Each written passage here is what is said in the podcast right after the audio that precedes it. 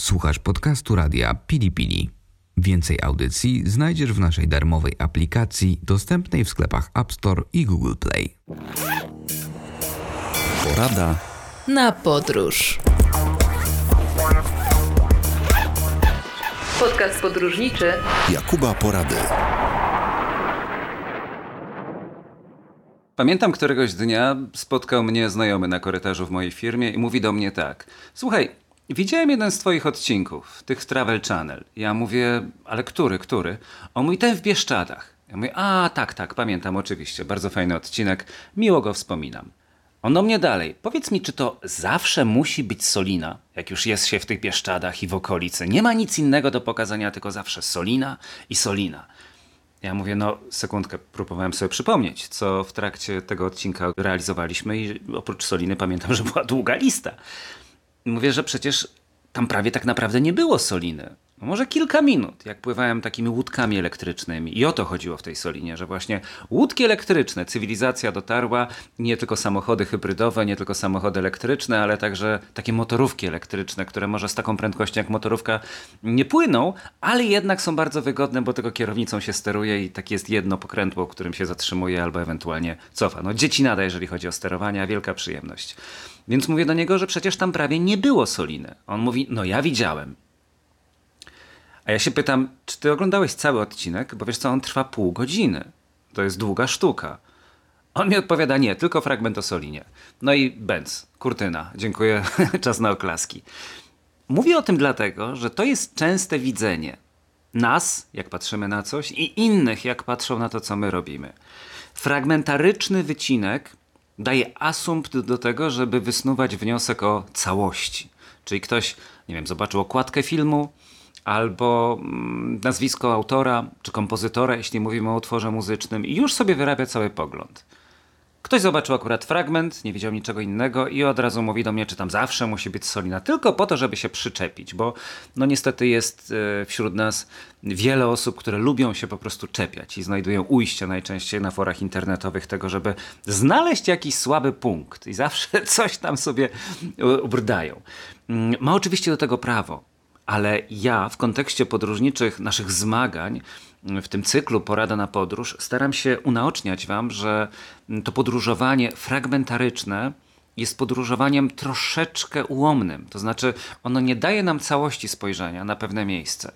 Jeżeli przypomnimy sobie to, że jako ludzie mamy tendencję do jednostkowych zdarzeń, i rozciągania tego na całokształt, to możemy bardzo łatwo zrazić się albo też oczarować. Może być super minus albo super plus. Kiedyś używałem takiego przykładu, że jakbyście pojechali do mojego rodzinnego miasta i ktoś by wam ukradł portfel, to potem wracacie do siebie i mówicie: Byłem w Kielcach, tam mieszkają sami złodzieje. Wiadomo, że to nie jest prawda, że spośród tej 200 tysięcznej populacji trafił się jeden złodziej, ale to nie znaczy, że tacy są wszyscy. Ale wy już, wy, mówię też o sobie, my jako ludzie wyciągamy wniosek. Ktoś z kolei pojedzie do Gruzji i powie, że Jezu, jak tam cudownie, wszyscy mnie cały czas poili winem, było rewelacyjnie, super, hiper i tak dalej. I ktoś inny może mieć inne doświadczenia, bo no niestety, podejrzewam, no nie mam przecież dokładnych danych, ale że i w Gruzji znajdują się ludzie, którzy zajmują się czymś niegodnym, czyli że w Tbilisi może trafić się jakiś złodziej, chociaż ja nigdy nie spotkałem, ale zakładam, że coś takiego może być, bo świat nie jest ani biały, ani czarny, tylko ma różne odcienie. I nasza wiedza o podróży powinna być jak najbardziej komplementarna, po to, żeby później nie było tego fragmentu, że z 40-35 minutowego odcinka zapamiętaliśmy tylko fragment o, o Solinie w tym wypadku, który był no dosłownie jedną iluś tam setną, prawda, całego odcinka. To jest ta właśnie wiedza cząstkowa. Mm, przypomina mi się taki super hicior sprzed wielu lat na YouTubie, gdzie stoi facet wyraźnie pod wpływem i mówi do przeprowadzającej z nim sondę, jaki mamy jutro dzień prawda, święto narodowe. I dlaczego tu nie ma flagi? Zaczyna powtarzać, dlaczego tu nie ma flagi? Dlaczego? No, nie wiem, jaki był początek dnia tego pana, nie wiem, jakie było zakończenie dnia tego pana. Traktuję to oczywiście na tej samej zasadzie, jak wywiad będę grał w grę. Jest to jakiś fragment większej całości. Natomiast niezależnie od tego, że film ma swój początek i swój koniec, czyli trwa około 90 minut, czasem dłużej, to jeszcze mm, dla niektórych ludów e, żyjących w Afryce w latach 60. istotne było to, co wydarzyło się wcześniej i później. Nawet pamiętam, że naukowcy byli zaskoczeni, prezentując, ja się uczyłem tego na antropologii filmu, miałem takie zajęcia na, na filmoznawstwie przez jakiś czas, pokazywali im jakiś fragment, obrazu, a oni, ci odbiorcy, nie chcieli wiedzieć, co dzieje się z głównym bohaterem, tylko z tym, z którym on przed chwilą rozmawiał. Ci byli zaskoczeni, no bo ale to nieistotne jest. Nie, istotne. Właśnie oni chcieli wiedzieć, tamten już zniknął, więcej się w filmie nie pojawił, oni byli ciekawi, co się z nim dalej dzieje. No i słynny jeszcze fragment o kurze, że pytali, co zapamiętaliście z tego fragmentu, bo oni nigdy w życiu kina nie widzieli. Pojechali do, do, do jakiegoś miejsca odciętego od cywilizacji, pokazali im kino. Oni mają kurczaka. Ja, jakiego kurczaka? Ci Szwedzi bodajże zastanawiają się. Przewinęli jeszcze raz, okazało się, że w tam 37 minucie w lewym dolnym rogu pojawił się kurczak. Oni nie patrzyli na środek ekranu, tylko na róg. To też pokazuje, że mamy inną percepcję postrzegania. I coś, co dla jednego jest istotne, jak czasami, nie wiem, pani zmieni fryzurę i zapyta się pana, a on mówi, a coś zmieniłaś? Nie, nie, nie zauważyłem. No jak to? No nie zauważyłeś? Ach, wy faceci to w ogóle macie jakąś inną tutaj, prawda, spostrzegawczość. E, w podróżach jest dokładnie to samo. Nikt nie ma czasu ani ochoty na to, żeby zgłębiać temat, bo żyjemy pospiesznie. E, ja to rozumiem. I mamy do tego prawo. To nie jest nakaz. To jest zachęta, to co ja mówię. Ja proponuję i zachęcam, zawsze mówiąc o tym, żeby czytać, żeby rozmawiać, żeby uczyć się obcych języków, żeby zgłębiać e, warunki etnograficzne, żeby kulinaria poznawać dokładnie, jak to się robi, nawet przez warsztaty kulinarne, w każdym miejscu, w którym jesteśmy, i tym dalekim, i bliskim.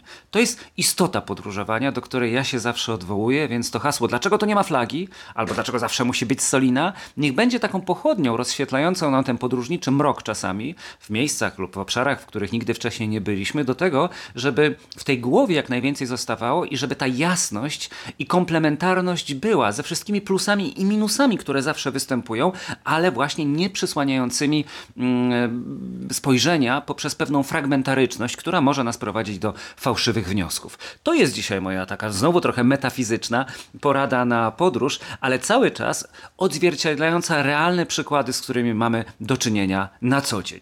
I będziemy niebawem mówić dalej już o konkretnych lokalizacjach i miejscówkach. Podcast podróżniczy Jakuba Porady. Jeśli słuchacie moich audycji regularnie, to na pewno zauważyliście, że wykorzystuję dość często przykłady historyczne. To jest taka moja pasja historyka zainspirowanego programami Bogusława Wołoszańskiego, którego śledziłem jeszcze jako dzieciak. Jako dorosły człowiek miałem okazję poznać osobiście, bo parę razy był moim gościem w poranku TVN24. Często oglądam na YouTubie jego mm, prelekcje, no i oczywiście także w dalszym ciągu produkcje telewizyjne. Również czytałem książki jego autorstwa i książki wydawnictwa, które jest sygnowane jego nazwiskiem. Druga wojna światowa, a szczególnie kampania wrześniowa, interesuje mnie nad wyraz. W związku z tym, gdziekolwiek jest okazja do tego, żeby zobaczyć jakiś fragment uzbrojenia, e, fragment pola bitwy, tak jak jadę zawsze nad morze do, do swojej miejscówki i mijam e, Mławę, to tam jest takie pole bitwy pod Mławą, gdzie co roku, no teraz pandemia, to wiadomo jest trudniej, ale odbywa się rekonstrukcja tej bitwy. Interesuje mnie to i wydaje mi się, że jest to ciekawe, żeby zgłębiać historię, nie tylko oczywiście II wojny światowej, ale historię wszelaką, bo ona daje nam większy pogląd na rzeczywistość. Niektórzy mówią, że historia nigdy dwa razy się nie powtarza, inni mówią, że historia zawsze dwa razy się powtarza. Pewnie jest i tak, i tak. Nie mam gotowej odpowiedzi na to pytanie, ale uważam, że podróże historyczne to jest też istota, bo sama faktura i sklepienie katedry Notre Dame no, spłonęła niedawno, ale to jest przykład pokazujący także wiele pięknych miejsc na całym świecie. To jest jedno. Natomiast jeżeli zgłębimy więcej coś na temat tego, jak to było zrobione, kto zapoczątkował mm, jakiś nowy gatunek artystyczny, to to jest taka wartość znów dodana. I militaria też się w tym gronie mieszczą. A my w Polsce, i to nawet niedaleko od Warszawy, mamy bardzo ciekawe miejsca, warte do tego, żeby tam wpaść i za te kilka złotych, bo akurat muzeum, o którym myślę, ma wejście za 15 zł, a 8 zł kosztuje bilet ulgowy, mm, do zobaczenia. To jest Muzeum imienia Orła Białego w Skarżysku Kamiennej. Czyli jak wyjeżdżamy z Warszawy, jedziemy na Kielce, kierując się na Zakopane, na Kraków, to zawsze przejeżdżamy przez Skarżysko. No teraz obok, bo tam jest szybka trasa, ale wystarczy zboczyć na chwilkę. Niesamowita ekspozycja uzbrojenia na świeżym powietrzu, jak niemal w angielskich muzeach II wojny światowej, a moim zdaniem angielskie muzea są takim wzorcem. Nie widziałem amerykańskich muzeów militarnych, a dużo uzbrojenia, szczególnie niemieckiego, znajduje się właśnie za oceanem, na zasadzie łupów wojennych. Anglicy mają takie parki na świeżym powietrzu, gdzie są wszelakie czołgi, Matyldy i Cromwelle, no i także niemieckie tygrysy czy pantery też można odszukać szukać. Oczywiście również samoloty, e, haubice, armaty. Zadanie domowe. Czym się różni haubica od armaty, e, armata od haubicy? to też warto wiedzieć. Tym, że jedno strzela na wprost, a drugie strzela E, stromotorowo, czyli jedno urządzenie jest do tego, żeby niszczyć cele znajdujące się naprzeciwko, na przykład jadące czołgi, a drugie, żeby niszczyć cele znajdujące się za przeszkodą, czyli na przykład piechotę za okopami, prawda? Czyli tak jak trochę tenisista takim lobem rzuca. Jedno strzela linia prosta, a drugie leci w górę i później opada. Więc haubica, armata, armata, haubica. Musicie sprawdzić sobie, które to jest które, jak stalaktyty, stalagmity. Jedne rosną z góry, drugie rosną z dołu. Jeszcze są stalagnaty, które łączą się i górę i dół. Dygresja. Wracamy do Muzeum II wojny światowej. To jest jedna z największych kolekcji militarnych w Polsce. Mamy tam wystawy takie jak kampania wrześniowa, jak ruch partyzancki na Kielecczyźnie. Dla mnie to jest istotne, bo mój dziadek był partyzantem w oddziałach batalionów chłopskich, czyli ugrupowania wywodzącego się z ruchu ludowego, ze stronnictwa ludowego. Stoją także te 34, bo oczywiście wiadomo, że najwięcej jest uzbrojenia radzieckiego i później ewentualnie Związku Radzieckiego, ale także niemieckie działo samobieżne jest Sturmgeschütz 4, jeżeli ktoś jest już zainteresowany. To jest mm, niewielka odległość do pokonania, jeżeli ktoś w centralnej Polsce mieszka.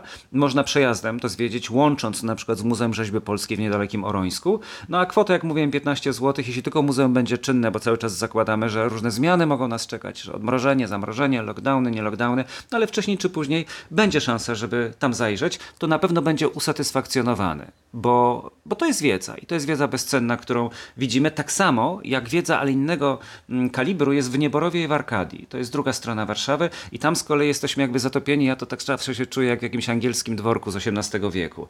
Mamy pałac w Nieborowie i park w Arkadii i to jest niejako połączone jak Lennon i McCartney. Oni co prawda się kłócili, w końcu animozje doprowadziły do rozpadu grupy The Beatles, ale może lepszym przykładem do tego będzie Keith Richard i Mick Jagger, czy Rolling Stonesi. Też się kłócili, no ale jakoś dłużej trwają.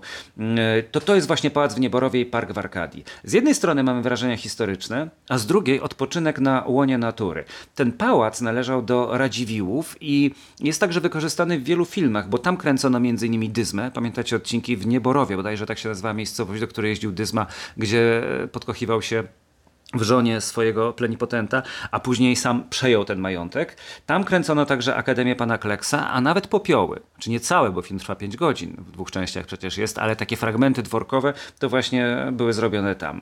Do zobaczenia na pewno gigantyczna biblioteka, która zajmuje całą szerokość piętra, a na jej ścianach jeszcze widzimy portrety władców europejskich. Natomiast wszyscy mówią, że najwspanialsze są globusy z XVII wieku i starodruki, zgromadzone w kilkunastu szafach. To jest też obcowanie z historią. Tam mamy militarię, Tutaj mamy mm, czas miniony, chciałoby się powiedzieć, czas przeszły dokonany, aczkolwiek może on jest niedokonany, jeżeli to, co widzimy, wpływa do nas i jest w stanie być twórczo przetworzone, w sensie myślenia o tym, e, jak kiedyś Polska wyglądała, taka Polska szlachecka, jak teraz. Ogród z kolei bazował na popularnym stylu angielskim, modnym w XVIII wieku. I tam są takie miejsca, takie żelazne punkty do obejrzenia, jak świątynia Diany, jak grota Sybilli, czy jak akwedukt. Mamy takie nawiązania do cesarstwa rzymskiego. E, wszystkie modne rody ówczesne żyły trochę jak teraz popularne instagramerki, tylko że oczywiście bez dostępu do internetu. Czyli jeżeli chodzi o Arkadię, to to byli Radziwiłowie. A jeżeli na przykład chodzi o Powązki warszawskie, to to była już pani Czartoryska, więc tu byli czartoryscy, tam byli Radziwiłowie. No i to jest też uzupełniająca lektura do tego, żeby oglądając to troszeczkę sobie poczytać w internecie, czy, czy, czy biorąc książkę z biblioteki. Z tego co pamiętam, wejście do pałacu kosztuje 20 zł, do ogrodu 16, więc trzeba to połączyć, ale są różne promocje i ulgi, więc nic nie stoi na przeszkodzie, żebyśmy w najbliższych planach podróżniczych, myśląc znowu o tych krótszych wypadach, brali pod uwagę właśnie tych kilka lokalizacji, do czego Was gorąco zachęcam, meldując się także przed mikrofonem już niebawem w kolejnym wydaniu audycji Porada na podróż. Dziękuję i do usłyszenia. Porada na podróż. Podcast podróżniczy Jakuba Porady. Wysłuchaliście podcastu radia Pili Pili. Więcej audycji znajdziecie w naszej darmowej aplikacji dostępnej w sklepach App Store i Google Play. Do usłyszenia w radiu Pili Pili.